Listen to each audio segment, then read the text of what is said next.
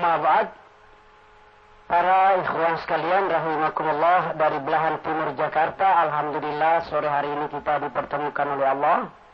Dan alhamdulillah pada hari ini kita kedatangan seorang Ustadz kita yang tercinta, Al Ustadz Abdul Hakim bin Amir Abdad.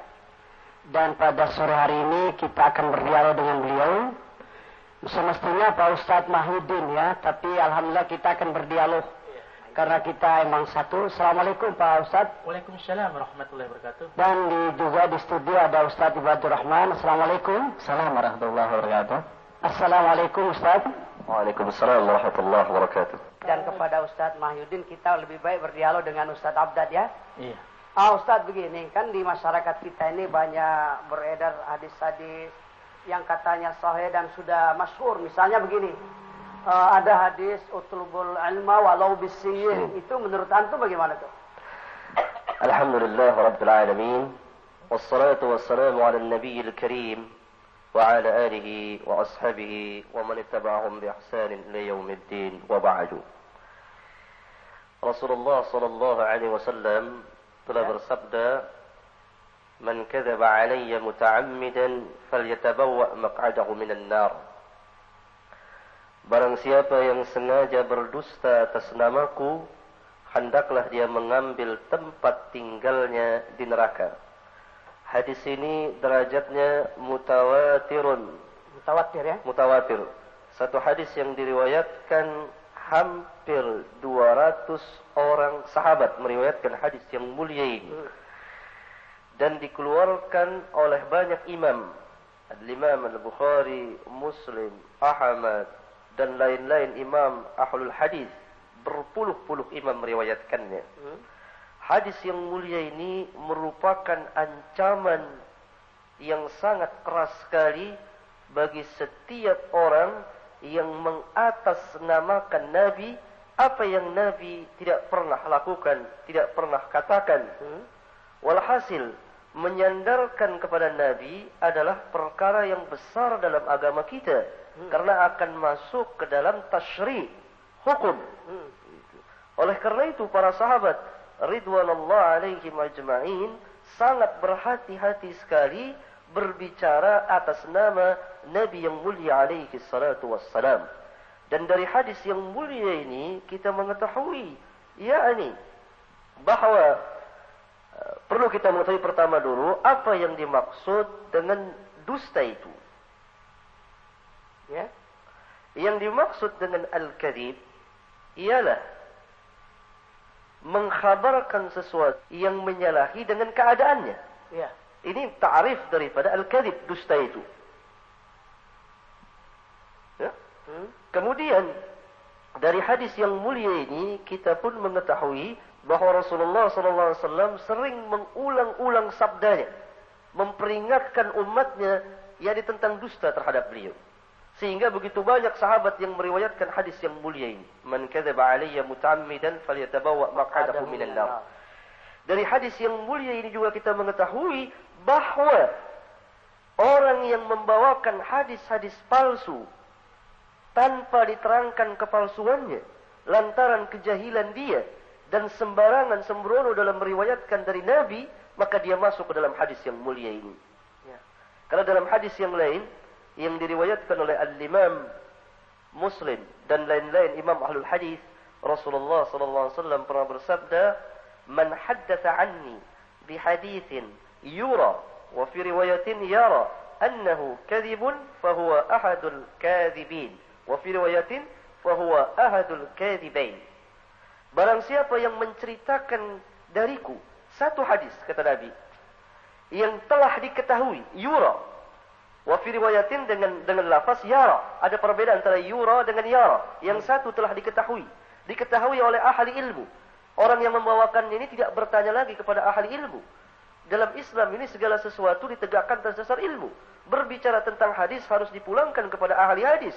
Tidak sembarang orang berbicara membawakan hadis Karena Allah berfirman, "Fas'alu ahla dzikri in kuntum la ta'lamun." Dan dalam Islam dikatakan, "Wala taqfu ma laysa laka bi'ilmun." Hal yastawi alladziina ya'lamuna wal ladziina la ya'lamun? Semuanya ditegakkan atas dasar ilmu. Oleh kata yura. Atau dalam lafaz yang lain, yara. Yara. Ia telah mengetahui dengan ilmunya. Kemudian dia menceritakan tanpa menjelaskan hadis ini palsu, maka dia termasuk salah satu dari para pendusta itu. Ya. Yang mendustakan hadis, membuat hadis palsu, dan dia yang menyebarkannya. Dalam salah satu lafaz, fahuwa ahadul kadibain dengan bentuk musanna. Yang pertama dengan bentuk jamak, kadibin. Yang kedua, lafaz kedua dengan bentuk musanna. Kadibain. Salah satu dari dua pendusta. Pendusta yang pertama yang membuat hadis palsu itu. Pendusta yang kedua yang menyebarkan hadis palsu itu. Jadi para penyebar hadis palsu ini, baik dia mengetahui atau tidak mengetahui, dia masuk ke dalam hadis yang pertama dan hadis yang kedua ini. Ya. Dan di negeri kita ini adalah satu musibah besar yang justru salah satu kelemahan kaum muslimin yang melemahkan kaum muslimin adalah beredarnya hadis-hadis palsu ini. Ya. Timbulnya berbagai macam kesyirikan, timbulnya berbagai macam bid'ah dan lain-lain itu disebabkan hadis-hadis palsu ini. Saya akan tunjukkan. Misalnya, tadi tanyakan hadis Eh, tentang sebentar dulu Ustaz. Ya. Saya mau tanya motifnya dulu. Iya, iya.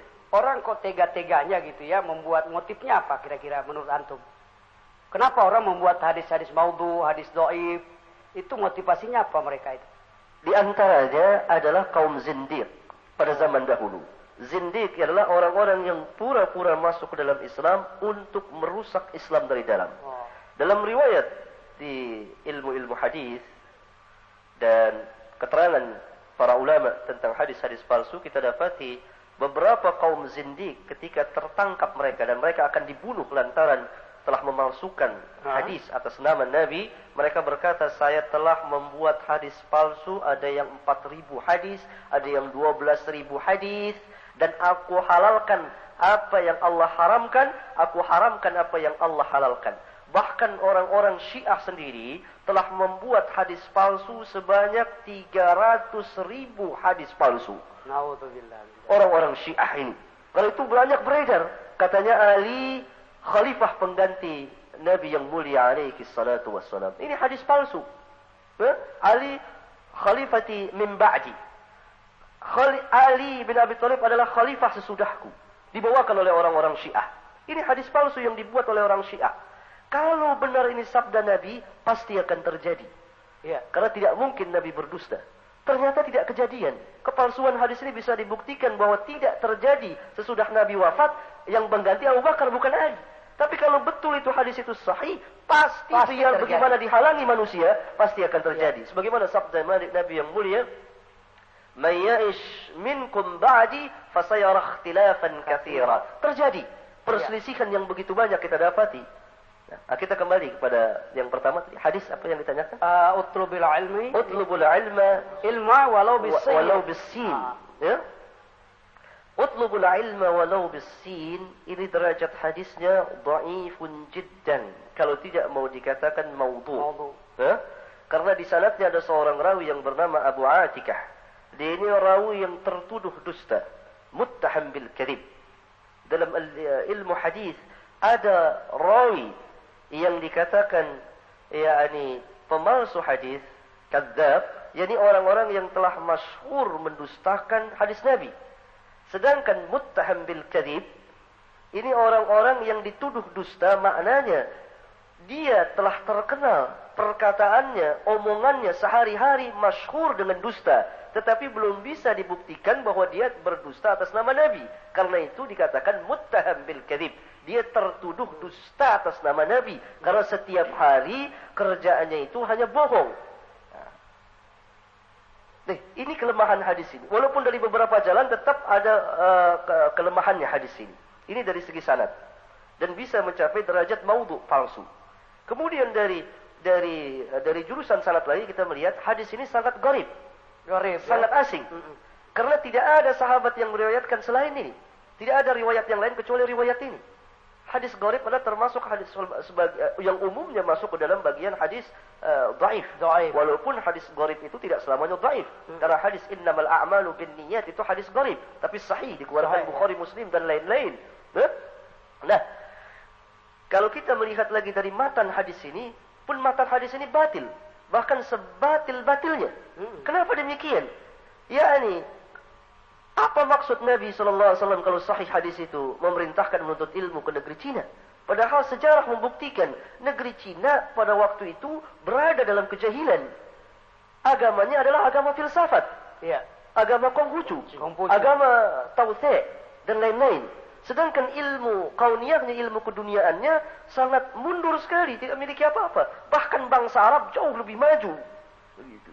Oleh kita tahulah kita ini salah satu hadis palsu dari jurusan sanad dan jurusan uh, matan. matan hadis itu. Yang semakna dengan ini misalnya hadis utlubul ilma minal mahdi ila lahdi. Ini bahkan tidak ada asal usulnya. La aslalahu. La aslalahu. Silakan. Ya, uh, begini Ustaz ya. Uh, selama ini kan banyak berkembang. Uh, hadis itu tidak boleh dipakai kalau bertentangan dengan Quran. Ya. Jadi uh, kita tidak mungkin kita memakai hadis dan buang Quran karena nggak mungkin Rasul itu bertentangan dengan uh, Allah. Makanya bisa saja hadis itu sahih ya. filmatan tapi uh, doaif di oh, sahih fi sanad doaif filmatan gitu kan ya. ya. Dan yang kedua juga ada orang yang beranggapan masalah begini. Uh, kemungkinan bisa saja Quran tadi sudah dimansuh dengan hadis begitulah. Nah, tolong saya terangkan gitu. Alhamdulillah. Terima kasih pada Ustaz Mahsyuddin. Pertama-tama kita perlu mengetahui qawaidul ilmiah tentang ta'arud. Kaidah-kaidah ilmiah tentang pertentangan ini.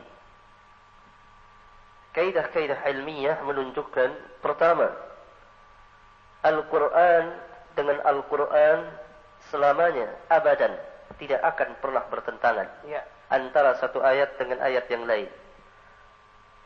Aidah mengatakan Al-Quran yufassiru ba'duhu ba'dan. Ayat Al-Quran saling menafsirkan satu dengan yang lainnya. Kalau terjadi pertentangan, maka yang bertentangan bukan ayat Al-Quran, tapi pikiran dan otak, otak kita. manusia, ya. Oleh karena itu perlu kepada para mufassirin, perlu kepada para ahli tafsir untuk memahami ayat yang mulia. Ini kaidah yang pertama. Kita sebagai seorang muslim harus meyakini tidak ada ayat Al-Quran satupun yang saling bertentangan. Tidak ada. Ya. Yang kedua, Al-Quran selamanya tidak bertentangan dengan hadis. Dengan syarat hadis tersebut sahih dan belum dihapus hukumnya. Kenapa? Karena ada hadis-hadis yang telah dihapus hukumnya. Seperti sabda Rasulullah, "Kuntu nahaitum an ziyaratil kubur, ya. fazuruha." Dahulu saya melarang kamu ziarah kubur. Sekarang ziarahilah kubur. Berarti ada hukum yang di, dihapus. Ya, ya. Nah, hadis sahih tidak mungkin bertentangan dengan Al-Quran Al-Karim. Huh? Yang ketiga, kaidah yang ketiga, hadis tidak akan bertentangan dengan hadis yang sahih. Hadis yang sahih tidak akan bertentangan dengan hadis yang sahih. Kalau dapat terjadi pertentangan, maka para ulama menempuh jalan untuk menjama atau jalan untuk mentarjih atau kalau belum mampu juga maka ditawakufkan untuk sementara sampai mendapat jalan yang lain untuk menduduki permasalahan ini. Iya, iya. Ya? Ini yang ketiga. Yang keempat, dalil-dalil naqliyah. Yang dimaksud dalil-dalil naqliyah adalah dalil-dalil yang datang dari Al-Quran dan Sunnah Nabi. Selamanya tidak akan bertentangan dengan dalil-dalil akliyah selamanya tidak akan bertentangan dengan dalil-dalil akliyah. Atau dalil-dalil akliyah selamanya tidak akan bertentangan dengan dalil-dalil nakliyah. Yeah. Dengan syarat akal tersebut adalah akal yang sahih dan sarih. Akal yang sehat dan akal yang mempunyai ketegasan, yaitu ketegasan akal. Bukan akal yang sakim, yang sakit dan ittirab dan goncang. Karena akal itu ada dua macam. Akal yang sahih dan sakit akal yang sahih dan sarih dan akal yang sakin dan uh, akal yang itiraf yang ya. uh, terjadi uh, kegoncangan. Uh, jadi nggak mungkin gitu ya Ustaz ya? Tidak mungkin al-hadis bertentangan dengan ayat-ayat Al-Quran. Tapi juga apa mungkin Al-Quran dimaksud dengan hadis begitu Ustaz? Dalam hal ini berselisih para ulama. Setelah mereka ittifaq bahwa ayat Al-Quranul Karim saling saling memansuh satu dengan yang lain an-nasikh wal mansukh salah satu hukum di dalam Al-Qur'anul Karim. Salah satu ilmu dalam Al-Qur'anul Karim. Tidak ada seorang pun ulama yang mengingkari an-nasikh wal mansukh terjadi dalam ayat-ayat Al-Quran Al-Karim. Bahkan risalah an-nubuwah, kenabian, para nabi dan rasul itu saling memansuh. Bukankah uh, syariat Rasulullah memansuh syariat Musa? Iya kan? Kan mansuh. Bukankah Al-Quran memansuh Taurat dan Injil? Demikian juga satu ayat Al-Quran bisa dimansuh dengan ayat, bisa dinasih dengan ayat Al-Quran yang lain. Tidak ada yang mengingkarinya kecuali seorang di dunia ini yang pernah mengingkari adanya an-nasikh wal mansuh, yaitu Abu Muslim Al-Asbahani. Dia ini seorang Mu'tazili dari kaum Mu'tazilah dan telah dibantah oleh serombongan para ulama. Cukup misalnya Ustaz membaca kitab Al-Imam Ash-Shawkani ya ini tentang usul fikih dengan dengan dengan nama kitabnya Irsyadul Fuhul. Di situ dibantah habis-habisan Abu Muslim Al-Asbahani, Abu Muslim Al-Asbahani seorang Mu'tazili yang mengatakan tidak ada nasikh mansukh. Ini membuktikan kebodohan yang demikian bodohnya Abu Muslim Al-Asbahani ini yang mengatakan tidak ada nasikh mansukh. Kemudian pernyataan Abu Muslim ini masuk ke Indonesia. Ada sebagian uh, yakni uh, ulama yang mengatakan tidak adanya nasikh mansuk dalam Al-Quran Al-Karim. Menyalahi jumhur ulama, para sahabat, tabi'in, tabi'ut tabi'in. Kalau kita buka lembaran kitab hadis. Dan kenyataannya ada. Contohnya ayat khamr. Contohnya ayat tentang kiblat. Dan lain-lain. Tetapi jumlahnya tidak banyak jumlahnya bisa dihitung dengan jari. Oh. Meskipun hadis ya, begitu juga hadis yang mansuh jumlahnya tidak banyak bisa dihitung dengan jari. Mungkin tidak sampai 10 hadis yang dimansuh. Jadi kal kalau begitu Ustaz, uh, kaidah menyatakan laisa fil Qur'an ayatun mansuha. Itu tidak ada kaidah yang seperti itu. Oh, tidak ada. Tidak ada itu kaidah. Antum kasih contoh misalnya apa kira-kira? Contohnya, oh. ya ini ayat tentang khamr. Uh -uh. Ayat tentang khamr ini jelas ya ini satu ayat memansuh ayat yang lain memansuh ayat yang lain. Di awal uh, turunnya ayat tentang khamr ini, Allah Tabaraka wa taala menerangkan tetapi tidak tegas tentang keharamannya. Oh. Kemudian turun surat ayat yang kedua dalam surat uh, dalam surat An-Nisa, ya kan? Itu hanya melarang minum khamr ketika akan salat. Oleh karena itu Umar bin Khattab pertama kali berdoa kepada Allah agar Allah Subhanahu wa taala menjelaskan tentang hukum hukum tentang khamr ini. Turun ayat pertama, turun ayat kedua. Umar masih minta juga. Kemudian turun ayat ketiga dalam surat Al-Maidah. Ayat 90. Ayat 90. Jelas diperintah untuk menjauhi khomer itu. Ini tidak syak lagi tentang mansuh. Sebab kalau ayat itu tidak dimansuh, berarti hukum tetap ada. Bolehkah sekarang kita meminum khomer, kecuali kalau mau sholat saja kita dilarang minum khomer? Tentu tidak. Kalau dikatakan tidak, uh, tidak boleh, ya ini Uh, ada ayat ini, nanti kalau tidak ada nasikh mansuk akan bertentangan antara satu ayat dengan ayat yang lain. Ya. Gitu. Di satu uh, sisi ayat surah Al-Maidah mengatakan larangan, tapi surat An-Nisa itu mengatakan boleh kecuali akan mendirikan salat. salat. Kan begitu? Iya. Bertentangan tidak? Surah 4 ayat 30 eh, 43. 43. Nah, An-Nisa gitu ya, ayat 43 ya. ya. Nah itu. Ini bertentangan. Ini menunjukkan bahwa surat surat Al-Maidah itu, eh, surat uh, surat An-Nisa, surat Al-Baqarah dan surat An-Nisa, ayat yang terdapat dalam surat Al-Baqarah dan surat An-Nisa itu telah dimansuh hukumnya. Tetapi ibrah, tapi i'tibar, tapi uh, pelajaran yang ada dalam itu dapat terus kita kita ya ini kita manfaatkan. Adanya pelajaran dalam ayat-ayat yang mulia itu. Uh, segini Ustaz, tapi saya membaca dari tafsir Jalalain itu Justru kadang-kadang Al-Quran bisa dimaksud dengan hadis itu bagaimana? Ah, ini saya kata saya baru terangkan tentang Al-Quran uh, dan Quran. Iya, iya. Berarti ijma ulama adanya nasikh mansuk. Hanya saja sebagian orang ada yang salah bahwa nasikh mansuk itu sampai 200 300 ayat dimansuh. Habis nanti ayat Quran. Terus begini Ustaz, ya. mereka punya alasan kalau dimansuh kenapa kita nggak buang aja? Oh, salah. Itu firman Allah Taala. Mansuh artinya dihapus. Iya. Nah, kok masih ada? Uh, perlu saya luaskan nah, pembicaraan. Makanya tolong antum jelaskan lebih lebih jelas lagi. An-nasikh wal mansukh ini luas sekali, ya. Ada yang dihapus hukumnya, ayatnya tidak. Ada yang diangkat ayatnya. Contohnya dalam salah satu riwayat Al-Imam Al-Bukhari, dulu dalam Al-Qur'an tercantum ayat tentang rejam. Kemudian ayat tentang rejam ini diangkat oleh Allah. Dan hukumnya tetap ada rejam itu. Ya. Hukumnya tetap ada, ya. Ada yang hukumnya ditarik tetapi ayatnya tetap ada. Ya. Seperti dalam surat An-Nisa tadi. Ada yang hukumnya diangkat dan ayatnya pun diangkat sama-sama. Hilang. Ya? Contohnya. Contohnya. Ya. Contohnya, ya ini misalnya seperti ada berapa ahkam tidak hadir dalam ingatan saya sekarang ini contohnya. Ya, nanti barangkali setelah kita bicara-bicara barangkali bisa bisa hadir kalau mendadak pertemuan ini. saya ditembak langsung. nah, ini menunjukkan bahwa nasikh mansukh itu ada hanya tidak ada tidak tidak terlalu banyak nasikh mansukh ya. itu sebagaimana yang yang dikatakan. Sebetulnya tidak ada masalah tentang an-nasikh wal mansukh ini karena yang me, me, menasikh itu menghapus itu Allah taala dan belum sempurna agama ini. Karena setelah turunnya al-yawma akmaltu lakum dinakum tidak ada nasikh mansukh lagi. Iya. Sudah sempurna. Tidak ada ya. nasikh mansukh. Nah, begini Ustaz. Nah, sekarang mungkin ada relevansinya dengan ayat-ayat mutasyabihah. Tanggapan antum bagaimana? Ayat-ayat nah, mutasyabihah ini. Orang banyak salah paham tentang ayat-ayat muhkam, muhkamat dan mutasyabihat. Apa yang dimaksud dengan muhkamat dan mutasyabihat? Muhkamat Allah jelaskan sendiri itu umum, umumnya isi Al-Quran Al-Karim. Itu ayat-ayat muhkamat. Seperti aqimus salat, wa'atuz haji, saum dan lain-lain dan lain begitu banyak berpuluh beratus beribu ayat tentang ayat-ayat tentang uh, ayat-ayat muhkamat. Sedangkan ayat-ayat mutasyabihat dilihat dari satu sisi apa nih yang mutasyabihat. Yang mutasyabihat tidak tidak berarti tidak bisa dipahami ayat yang mulia itu. Ini keliru sekali. Saya ambil contoh. Ar-Rahman 'alal 'arsy istawa. Ini termasuk salah satu ayat mutasyabihat. mutasyabihat. Tetapi mutasyabihatnya dari satu sisi, muhkamnya dari satu sisi.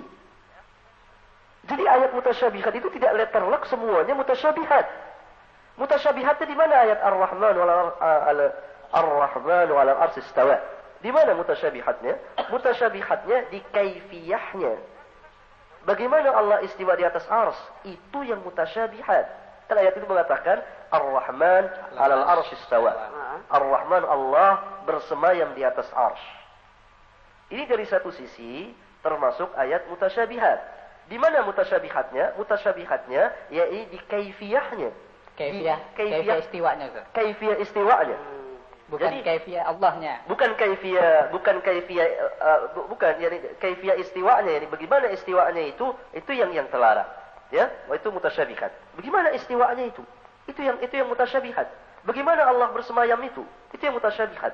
Nah, yang muhkamnya itu yakni istiwanya Allah itu yakni bersemayamnya Allah itu alal arsh yang sesuai dengan kemuliaan, ketinggian Allah Tabaraka wa taala. Karena laisa kamitslihi syai'un.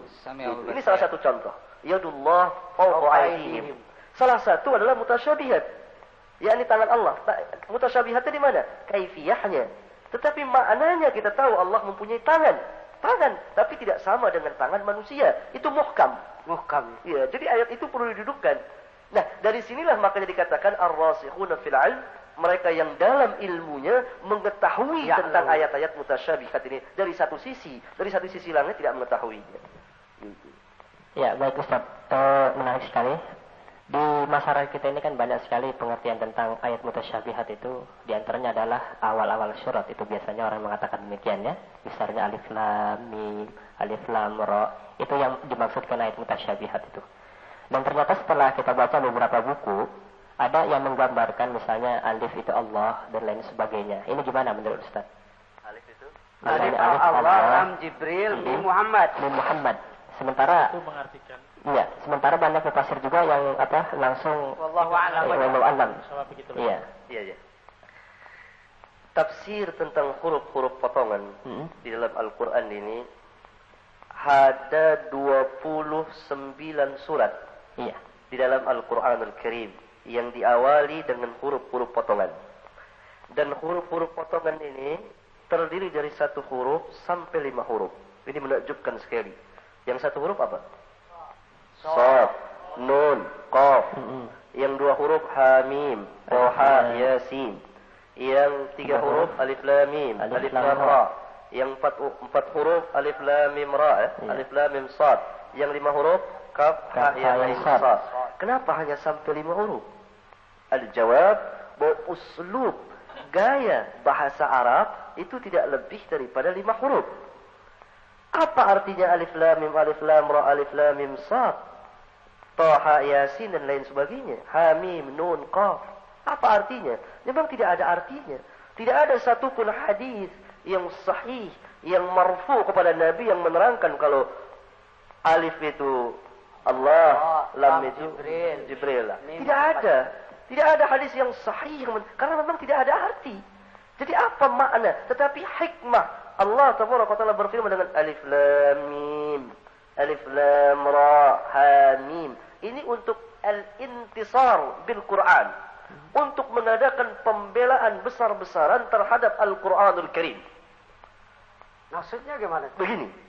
Al-Quranul Karim Allah turunkan dengan bahasa Arab yang mubin, yang jelas. La'allakum ta'qilun. Agar kamu berfikir. berfikir. Karena bahasa Arab adalah satu bahasa yang tertinggi dengan gaya dan uslub yang luar biasa. Eh? Lebih melebihi bahasa yang lain.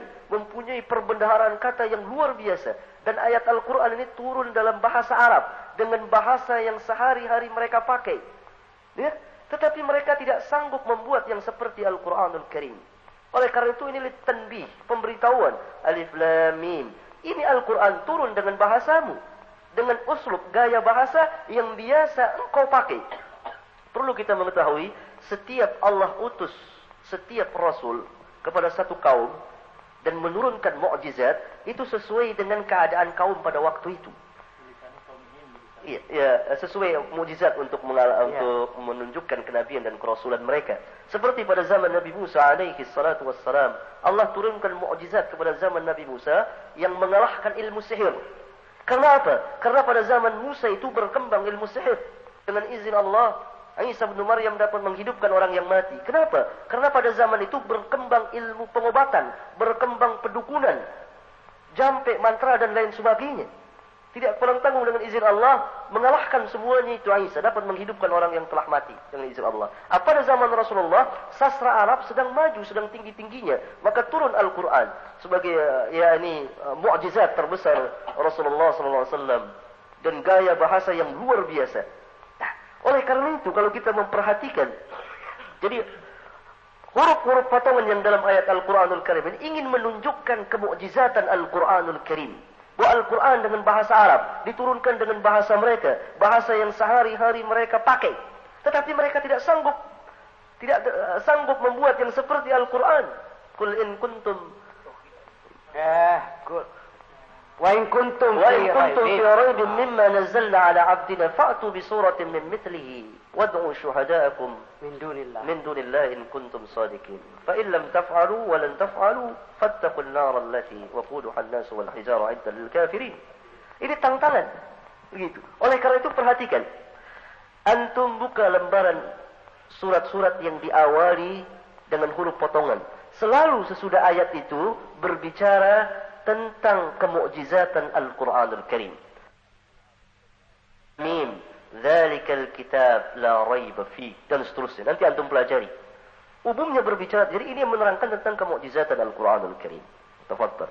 Uh, jadi begini Pak Pak Ustadz, tadi pada awal pembicaraan kita bahas mengenai hadis hadis palsu, yeah. maudhu, banyak beredar. Seperti yeah. misalnya lagi uh, i'mal li dunyaka ka'annaka ta'ishu abada wa'mal li akhirataka ka'annaka tamutu gada. Godan. Nah itu bagaimana komentaran? Itu banyak dipakai oleh kadang-kadang aku ustaz.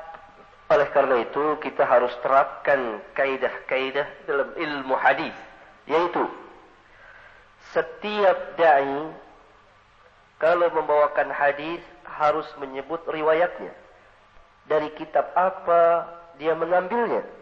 Jangan tanya kepada mereka tentang sahih dan daifnya. Kebanyakan dari mereka tidak mengetahui tentang sahih dan daifnya. Ya, nanti lantaran gengsi mereka akan katakan hadis ini sahih. Ya? Nah, demikian juga sering saya nasihati terhadap pengurus-pengurus masjid. Hendaklah para khatib yang akan berkhutbah Jumat. Kalau membawakan hadis disertai dengan riwayatnya. Riwayat siapa? Bukhari, Muslim, Abu Daud atau fulan, fulan, fulan, fulan. Dan dari kitab mana? agar mudah nanti diperiksa oleh orang yang ahlinya. Kalau di negeri kita ini telah beredar hadis-hadis palsu demikian banyaknya mengalahkan hadis-hadis sahih yang merusak kaum muslimin sendiri. Salah satunya tadi hadis yang tadi. Eh amal di dunia ka'annaka ta'ishu abada. Wa amal li akhiratika ka'annaka tamutu badan. Ini hadis palsu. Hadis la aslahu. Tidak ada asal usulnya dari Nabi yang mulia alaihi salatu wassalam. Dan siaknya, siakul kalam. Susunan lafaznya bukan susunan kenabian. Para ahli hadis itu mengenal susunan lafaz Nabi yang mulia alaihi salatu wassalam dengan susunan lafaz kalam dari yang selain Nabi yang mulia alaihi salatu wassalam. Berbeda. Lihat lafaz dari Nabi ketika seorang bertanya tentang tentang Islam. Nabi menjawab, "Qul amantu billah tsumma istaqim." Tsumma istaqim. Lihat siaknya. Ini min jawami'il karim. Perkataan yang singkat tapi maknanya dalam. Ini hadis sahih riwayat Imam Muslim. Dalam hadis yang lain Nabi katakan, "Man 'amila 'amalan laisa 'alaihi amruna fahuwa raddun." Siaknya ini luar biasa. Ini riwayat Imam Imam Imam Imam Muslim. Tetapi hadis, "I'mal li dunyaka ka'annaka uh, ta'ishu abadan wa amal akhiratika ka'annaka tamutu gadan." Ini bukan perkataan nubuah, bukan perkataan kenabian, tapi perkataan orang-orang yang ini seperti para penasehat, para penyair dan lain uh, sebagainya. Dan makna daripada hadis ini pun batil. Dan tidak ada seorang pun sanggup mengamalkan hadis yang mulia ini dalam satu keadaan kita disuruh mengamalkan dua masalah ini. Dua masalah ini. Dan dari sinilah barangkali ya ini khotib-khotib itu mengatakan 50% dunia, 50% akhirat. Uh, 50% akhirat. Tidak mungkin 50% dunia, 50% akhirat. Karena mahabbah kecintaan itu tidak bisa dibagi 50-50. Salah satunya harus condong. Ini salah satu hadis. Ada hadis yang lain yang membuat rusak kaum muslimin. Misalnya hadis ya ini Raja'na minal jihadil asgar ila jihadil akbar. Ah, itu juga populer di masyarakat. Populer. Ini hadis kata Syekhul Islam bin Taimiyah di kitabnya Al-Furqan baina auliya'ir rahman wa auliya'ir syaitan la asla lahu tidak ada asal usulnya sama sekali. Dan hadis ini merusak persatuan kaum muslimin. Kalau perang-perang seperti perang Badar, perang Tabuk sudah dianggap kecil, bagaimana dengan perang-perang kita pada zaman sekarang ini? Dan orang Islam akan mementingkan nafsi-nafsi. Karena jihad itu dianggap kecil. Sedangkan jihadun nafs dianggap besar. Gede ya. ya. Bagaimana dengan hadis Rasulullah yang sahih yang mengatakan. Al-mu'min lil-mu'min kal-bunyan. Yashuddu ba'duhu ba'duhu ba'dan. Ini sahih. Lihat Bukhari Muslim. Kemudian. Berdasarkan hadis yang palsu ini. Maka orang-orang akan mengecilkan jihad. Ya. Perang dengan orang-orang kufar. Orang-orang musyrikin. Padahal jihad itulah sebesar-besar dan salah satu kekuatan kaum muslimin. Jihad dengan kita, jihad dengan pedang. Ya, ya. Nah sebelum jihad dengan pedang ini harus jihad dengan ilmu dulu. Begitu. Uh, Ustaz, tertarik sekali ini ada hadis palsu raja'na min jihadil aswar ila jihadil akbar. Iya. Ada mungkin ya satu apa namanya satu ungkapan lagi. Bareng eh, saya kurang tahu eh, dan nggak nggak hadir di ingatan saya barang siapa uh, hari ini. Juga uh, betul itu ya pada hari ini ya. Uh, uh, harus lebih baik daripada kemarin. Hadisnya itu begini kalau nggak ya. salah Ustaz ya, ya, ya. tolong betulkan aja. Pemangkana yomu khairon min amsihi bahwa rawabihud. Wa man kana yaumuhu mitla amsihi bahwa wa man kana yaumu syarram min amsihi huwa mal'un. Itu antum bisa jelaskan maksudnya. Begini, hadis ini juga la aslahu tidak ada asal usulnya. Dan dibawakan oleh Al-Imam Al-Ghazali. Demikian juga hadis raja'na minal jihadil asgar juga tercantum di kitab Ihya Ulumuddin. Kita perlu mengetahui di kitab Ihya Ulumuddin karangan Al-Imam Al-Ghazali rahimahullah taala memuat sebanyak 993 hadis yang tidak ada asal usulnya. Belum lagi hadis palsu, belum lagi hadis sang yang sangat lemah, belum lagi hadis dhaif. Hadis nisfu Sya'ban itu ada tercantum di kitab Ihya. Ya. ya. Dan memang Al-Imam Al-Ghazali sendiri mengakui bahwa ilmu hadisnya itu sangat minim sekali. Dalam kitabnya Al-Qanun, beliau mengatakan bidu'ati fi ilmi hadis mizjatun. Perbendaharaanku dalam ilmu hadis ini adalah sangat sedikit sekali. Oleh karena itu kiai-kiai kita ini, ustaz-ustaz kita yang baca Ihya Ulumuddin hati-hati mengambil hadis dari uh, dari Imam Al-Ghazali karena beliau telah me mengamanatkan kepada kaum muslimin bahwa ilmu beliau dalam ilmu hadis ini sangat sedikit sekali. Salah satunya adalah hadis raja'na min al-jihadil asbar. Salah satunya lagi adalah hadis man kana yaumuhu itu. Nah, ini hadis la asdalahu dan sangat batil sekali dan tidak ada seorang pun sanggup melaksanakannya.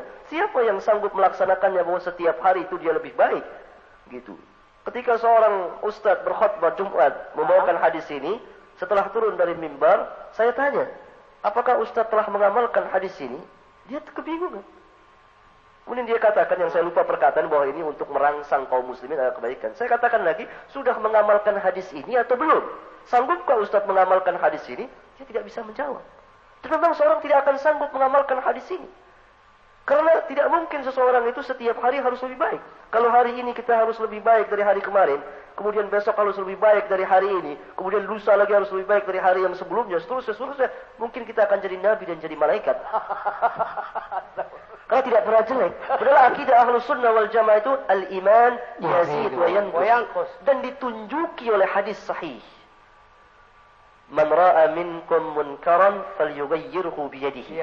Fa in lam yastati fa bilisanihi. Wa in lam yastati fa biqalbihi. Wa dzalika adhaful iman. Berarti orang itu berlebih kurang tentang keimanannya. Ada imannya yang paling rendah sekali. Berarti al-iman yazid wa yankus. Iman itu dapat bertambah dan dapat berkurang. Ya. Mungkin hari ini buruk keadaan kita dari hari kemarin. Ah, bagaimana untuk meningkatkan dan memeliharanya itu? Yang terpenting bagi kita, pertama, mengistimrorkan keimanan itu. Menetapkan ada pada kita. Allah berfirman, Ya ayuhal ladhina amanu aminu. Dalam surat An-Nisa, ayat berapa itu? 136. Ya. Ya. Wahai orang-orang yang beriman, berimanlah. Diperintahkan lagi untuk beriman. Dan seterusnya. Silakan. Uh, sebentar, Ustaz. Uh, tapi buku kitab Ihalumdin yang sudah diterjemahkan itu diterangkan hadisnya do'if, hadisnya Doa itu banyak sekali. Jadi kalau yeah. baca terjemahan itu saya lihat itu 50% lebih justru hadisnya memang doif gitu. Uh, be gitu. Ya, begini. Uh, itu dari dari terjemahan Ihya Ulumuddin. Kitab Ihya Ulumuddin ini hadis-hadisnya dikoreksi dan dikomentari oleh seorang imam besar yang bernama Al-Imam Al-Iraqi. Al-Imam Al-Iraqi mengarang kitab besar untuk mengkoreksi hadis-hadis di Ihya Ulumuddin. Kemudian diringkas, kemudian diringkas lagi jadi kecil. Dia hanya memberitahukan. Uh, banyak istilah beliau ini yang daif, daif, daif, daif. Ini yang diterjemahkan.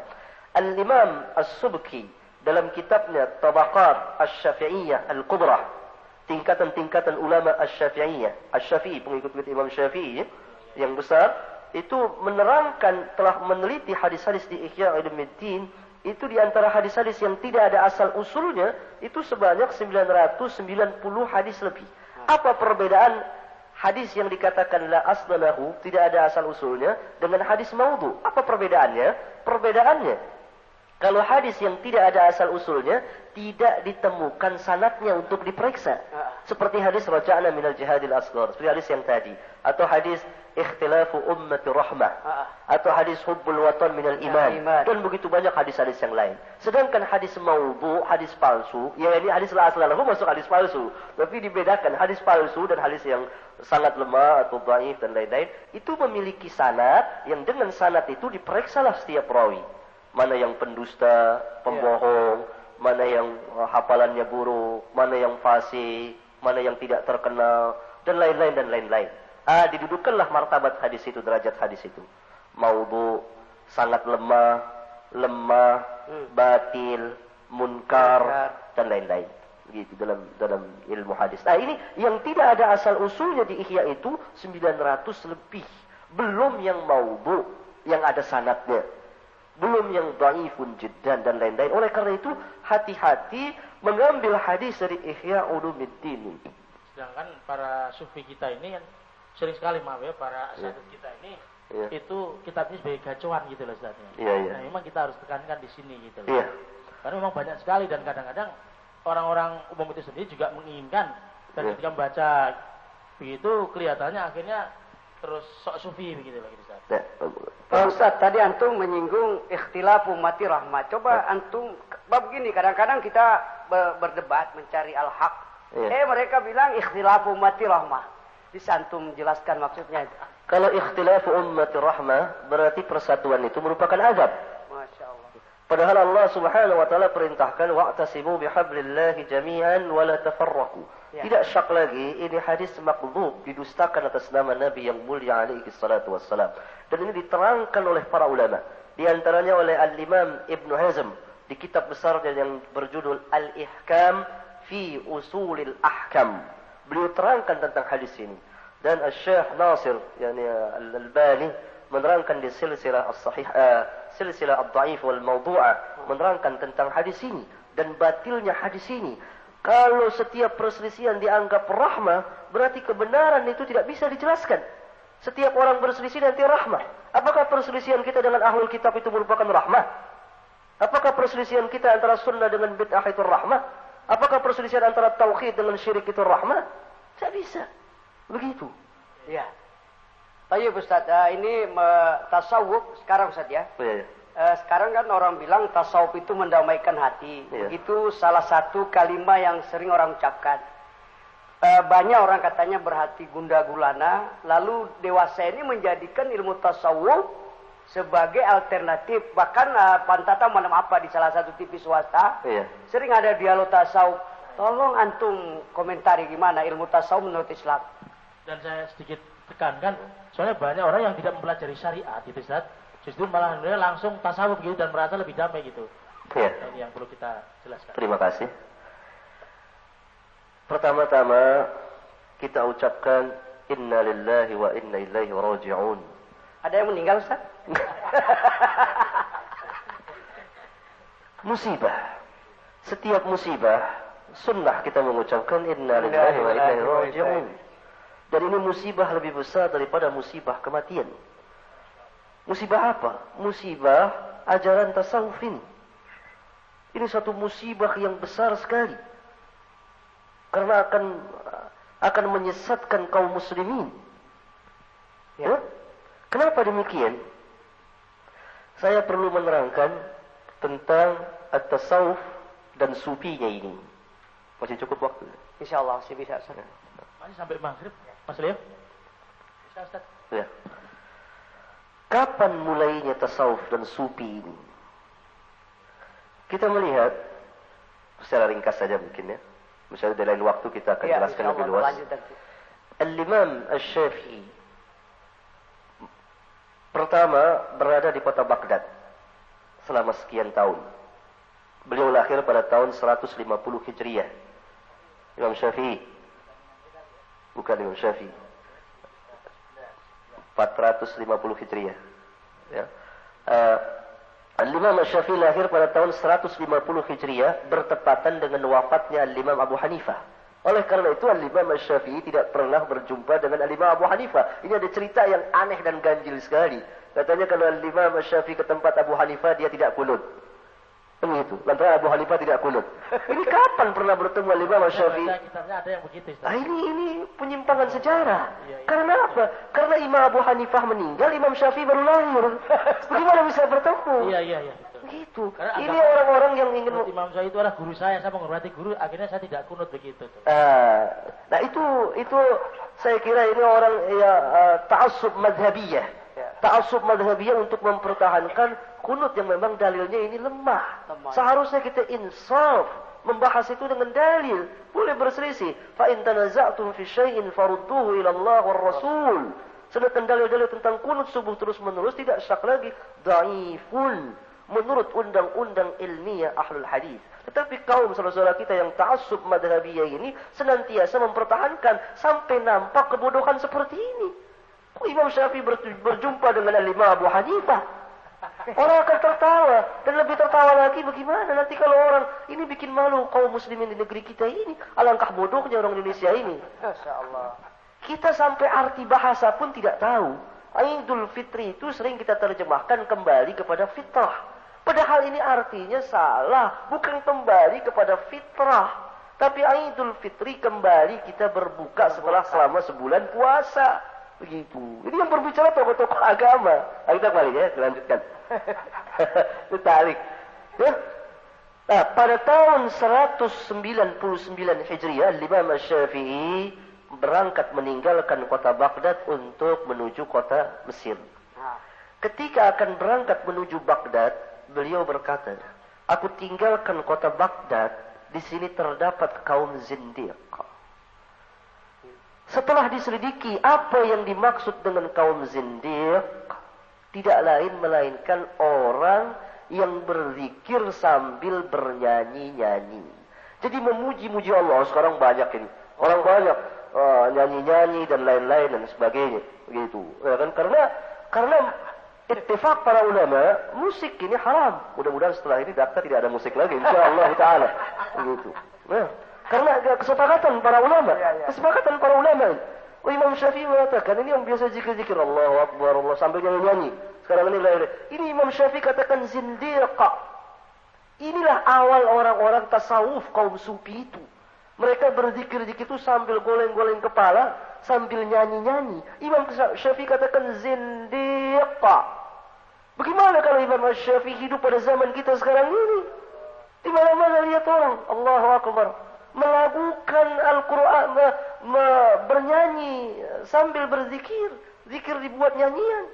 Itu. Yang kasih zindia kata Imam Syafi'i. Di lain waktu Imam Syafi'i mengatakan, ini dari sini kita mengetahui. Tarikh sejarah tasawuf itu mulai ada pada akhir abad kedua Hijriah. Tetapi mereka masih sembunyi-sembunyi. Pertama. Yang kedua, siapa yang memulai tasawuf ini adalah kaum zindiq. Orang-orang yang yang yang yang di luar Islam masuk dalam Islam untuk menghancurkan Islam dari dalam. Kemudian kaum muslimin akhirnya terpengaruh dengan ajaran ini. Ya. Gitu. Ciri-ciri kaum zindiq adalah mempermainkan agama Allah ini. Karena tidak ada yang berzikir sambil nyanyi. Kecuali orang zindiq. Begitu. Ah, di lain waktu Imam Syafi'i mengatakan setelah masyhurnya uh, uh, setelah pindahnya Imam Syafi'i ke Baghdad uh, ke, ke Mesir beliau mengatakan kalau seseorang itu belajar tasawuf di waktu pagi maka di waktu zuhur dia telah ahmaq telah menjadi manusia yang paling dungu paling bodoh Baru belajar tasawuf dari pagi sampai zuhur saja sudah menjadi manusia yang paling bodoh. Bagaimana 24 jam belajar tasawuf? Bagaimana yang bertahun-tahun belajar? Ini kata Imam Syafi'i. Tetapi orang-orang kita, kaum kita, saudara-saudara kita, mudah-mudahan Allah maafkan dosa-dosa kita dan dosa-dosa saudara kita. Itu yang senantiasa menyandarkan kita bermanhaj Syafi'i. Tidak pernah mengenal perkataan Imam Syafi'i tentang tasawuf ini. Imam Syafi'i sangat menyerang tasawuf itu. Bahkan yang pertama kali mengatakan zindik kepada orang-orang sufi ini adalah Al-Imam Syafi'i itu. Bisa antum dapati perkataan beliau ini di kitab Talbisul Iblis. Talbis Iblis yang dikarang oleh Al-Imam Ibnul Jauzi. Ya. Bukan Ibnul Qayyim. Ada ada salah paham. Ibnul Qayyim Az-Zawjiyah. Ya. Az-Zawjiyah. Sedangkan Al-Imam Ibnul Jauzi Al-Jauzi. Itu Talbis Iblis. Ya. Penyamaran iblis dibongkar habis habis diturunkan perkataan Al-Imam Al-Syafi'i. Oleh karena itu ulama kita mengatakan sufi ini dinus sufi, agamanya orang sufi bukan dinul Islam karena dia dakhil masuk ke dalam ajaran Islam, bukan dari Islam sama sekali. Di antara ajarannya adalah i'tiqadnya itu bermacam-macam. Maka pada akhir abad ketiga Hijriyah itu mulai kalau ajaran tasawuf ini terang-terangan, dia berada di terang-terangan, maka tampillah salah seorang guru mereka yang bernama Al-Hallaj. Ya, Al-Hallaj. Al-Hallaj yang menyatakan wahdatul wujud, kesatuan wujud dengan Allah. Iya. Segala sesuatu yang iya. yang nampak ini adalah uh, segala sesuatu yang nampak ini adalah Allah. Hamba adalah Allah. Lalu bagaimana hamba bisa diperintah oleh Allah? Hmm. Karena itu tidak terkena taklif lagi. Maka itu di antara ajaran orang sufi itu bisa bebas taklif, beban. Hmm. Mereka menafsirkan ayat Al-Qur'an, wa'bud rabbaka hatta ya yakin. Itu maknanya sembahlah Rabbmu sampai datang keyakinan, yakin dalam dalam ayat ini diterjemahkan dengan yakin adalah keyakinan yang biasa kita kenal. Ma'rifah. Ya? Jadi kalau sudah yakin kepada Allah, tidak perlu ibadah lagi. Tidak perlu sholat lagi. Tidak perlu menahan diri dari yang haram, berzina, minum khamr, main judi dan lain sebagainya. Padahal al-yakin dalam bahasa Arab di sini dalam ayat Al-Qur'an ini artinya al-maut. Wa'bud rabbaka hatta ya'tiyakal yakin. Sembahlah Rabbmu sampai datang kematian bagimu. Demikian rusaknya akidah orang sufi itu. Maka Al-Hallaj pemuka sufi ini, tasawuf ini disalib, dibunuh oleh kaum muslimin pada awal abad keempat Hijriyah. Sejak itu terang-teranganlah kaum sufi. Dan banyaklah kaum muslimin yang bodoh yang tertipu masuk ajaran tasawuf. Menurut mereka, yakni selama orang itu mengamalkan syariat, maka dia belum mengenal Allah. Jadi mereka membagi. Nahnu, kita ini orang syariat. Orang syariat itu maksudnya orang yang mengamalkan Al-Quran dan Sunnah mengikuti pemahaman sahabat itu kata orang syariat. Uh-uh. Ini orang-orang awam. Orang Hatta aw... ulama pun dikatakan orang awam menurut mereka. Hmm. Mereka ada orang-orang khas. Orang khas apa? Orang yang mempunyai jalan tersendiri untuk mengerjakan ibadah kepada Allah, takarrub kepada Allah. Nah, syariat. Itu mereka buat satu jalan. Jalan ini namanya at-turuq. At-turuq bentuk jamak dari tariq. Tariq. Ya? Tarik jalan. Orang kita memanggil tarekat. Hmm. Itu punya jalan bagaimana cara beribadah, bagaimana cara sholat, bagaimana cara zikir. Ah, masih ada waktu? Masih sedikit lagi. Ya. Sedikit lagi ya. Ah, contohnya salah satunya adalah tentang zikir. Mereka punya jalan. Orang-orang syariat berzikir dengan mengucapkan la ilaha illallah. Orang-orang tarekat tidak demikian. Dia hanya mengucapkan Allah, Allah, Allah, Allah. Nabi tidak pernah mengajarkan zikir dengan nama Allah, Allah, Allah. Tidak syak lagi tentang bid'ahnya. Bahkan Allah, Allah saja belum begitu tinggi. Yang lebih tinggi lagi dengan huwa, huwa, huwa, huwa, huwa, lama-lama, hu, hu, hu. Ini yang tertinggi. Dia itu siapa? Ah, ini zikir-zikir yang bid'ah seperti ini. Dan masih banyak lagi kerancuan dari ajaran sufi. Maka itu sangat musibah sekali. Nah, tadi dikatakan ajaran sufi itu memberikan keterangan. Begini, tidak setiap yang memberikan ketenangan itu benar. Ada pengalaman saya. Ya. Saya pernah berjumpa dengan seseorang pemuda. Dan dia tadinya Islam masuk ke ajaran kufur. Yaitu ajaran Ahmadiyah Al-Qadiani. Yang meyakini ada Nabi lagi. Sudah Rasulullah. Mirza Ghulam Ahmad Al-Kadzab. Nah? Ketika saya tanya, kenapa saudara masuk ke Ahmadiyah Al-Qadiani? Begini Ustaz. Sewaktu dalam ya ini uh, Islam Ahlus Sunnah ya itu saya tidak pernah sholat tahajud. Saya kalau sholat tidak pernah khusyuk dan lain-lain. Begitu saya masuk ke dalam Ahmadiyah Al-Qadiani, ibadah saya semakin tambah. Saya semakin khusyuk. Saya katakan ini tipuan dari syaitan. Karena syaitan dalam menggoda manusia pun membuat khusyuk kepada manusia dalam kepada selain Allah. Tidakkah kita saksikan bagaimana orang-orang yang bodoh itu menyembah menyembah patung-patung yang mereka buat dengan tangan-tangan mereka, alangkah khusyuknya mereka. Bahkan melebihi kita khusyuknya itu. Karena syaitan pun bisa menyulap seseorang menjadi khusyuk. Ah, salah satu ajaran syaitan adalah ajaran at-tasawufin. Ah. Oleh karena itu orang-orang sufi ini dibuat sekhusyuk mungkin karena setan bermain di dalam. Karena syaitan bermain di dalamnya. Ini tidak jadi hujah sama sekali. Yang jadi hujah adalah al-haq. Al-haqqu min rabbika fala takunanna minal mumtarin. Oh. Iya. Baik Ustaz, menarik sekali. Habis. Sudah habis jadi Ustaz, uh, insyaAllah lain kali iya. kita bertemu kembali. Iya. Ustaz datang lagi Ustaz ya, menarik Ustaz. InsyaAllah. InsyaAllah ya. Uh, pendengar kami, para pemerhati data di mana pun Anda berada. Demikianlah dialog kita dengan Al-Ustaz Abdul Hakim bin Amir Abdad. Insya Allah pada kesempatan selanjutnya kita bertemu kembali. Uh, barangkali antum ada pesan khusus untuk pendengar kita. Sebagaimana yang Rasulullah Sallallahu Alaihi Wasallam wasiatkan, saya hanya menyampaikan saja. فعليكم بسنتي وسنة الخلفاء الراشدين المهديين عضوا عليها بالنواجس وإياكم ومحدثات الأمور فإن كل بدعة ضلالة Hendaklah kamu berpegang dengan sunnahku dan sunnah al-khulafa ar-rasyidin al-mahdiyin. Sunnah Nabi adalah perjalanan kehidupan beliau. Inilah pegangan kita. Al-kitab dan sunnah. Menurut pemahaman al-khulafa ar-rasyidin. Abu Bakar, Umar, Uthman, Ali yang mewakili para sahabat. Yang dalam hadis yang lain Nabi katakan, Ma'ana alaihi wa ashabi. Aku dan para sahabatku. Ya ini beragama menurut pemahaman para sahabat berdasarkan Al-Quran dan Sunnah generasi pertama daripada umat ini bersama generasi kedua dan generasi ketiga mereka inilah yang mendapat keridhaan Allah Taala. Dan insya Allah secara berkala dan bersilsilah silsilah sahihah insya Allah akan diterangkan di radio Dakta ini. Ya terima kasih Ustaz. Uh, para pendengar sekalian demikianlah uh, kami mohon maaf kalau ada yang kurang yang hak datang dari Allah. Anak Habib Hasan Al-Mahdali dan Ustadz Abdul Hakim Abdad Al-Ustaz Mahyuddin Hadi Suratno dan Ustaz Ibadur Rahman dan jamaah yang kumpul di Radio Dakta undur diri. Mari kita sama-sama membaca doa kefaratul majlis. Subhanaka Allahumma wa bihamdika asyhadu an la ilaha illa anta astaghfiruka wa atubu ilaika. Akhirnya dari belahan timur Jakarta kami ucapkan wabillahi taufiq wal hidayah. Assalamualaikum warahmatullahi wabarakatuh.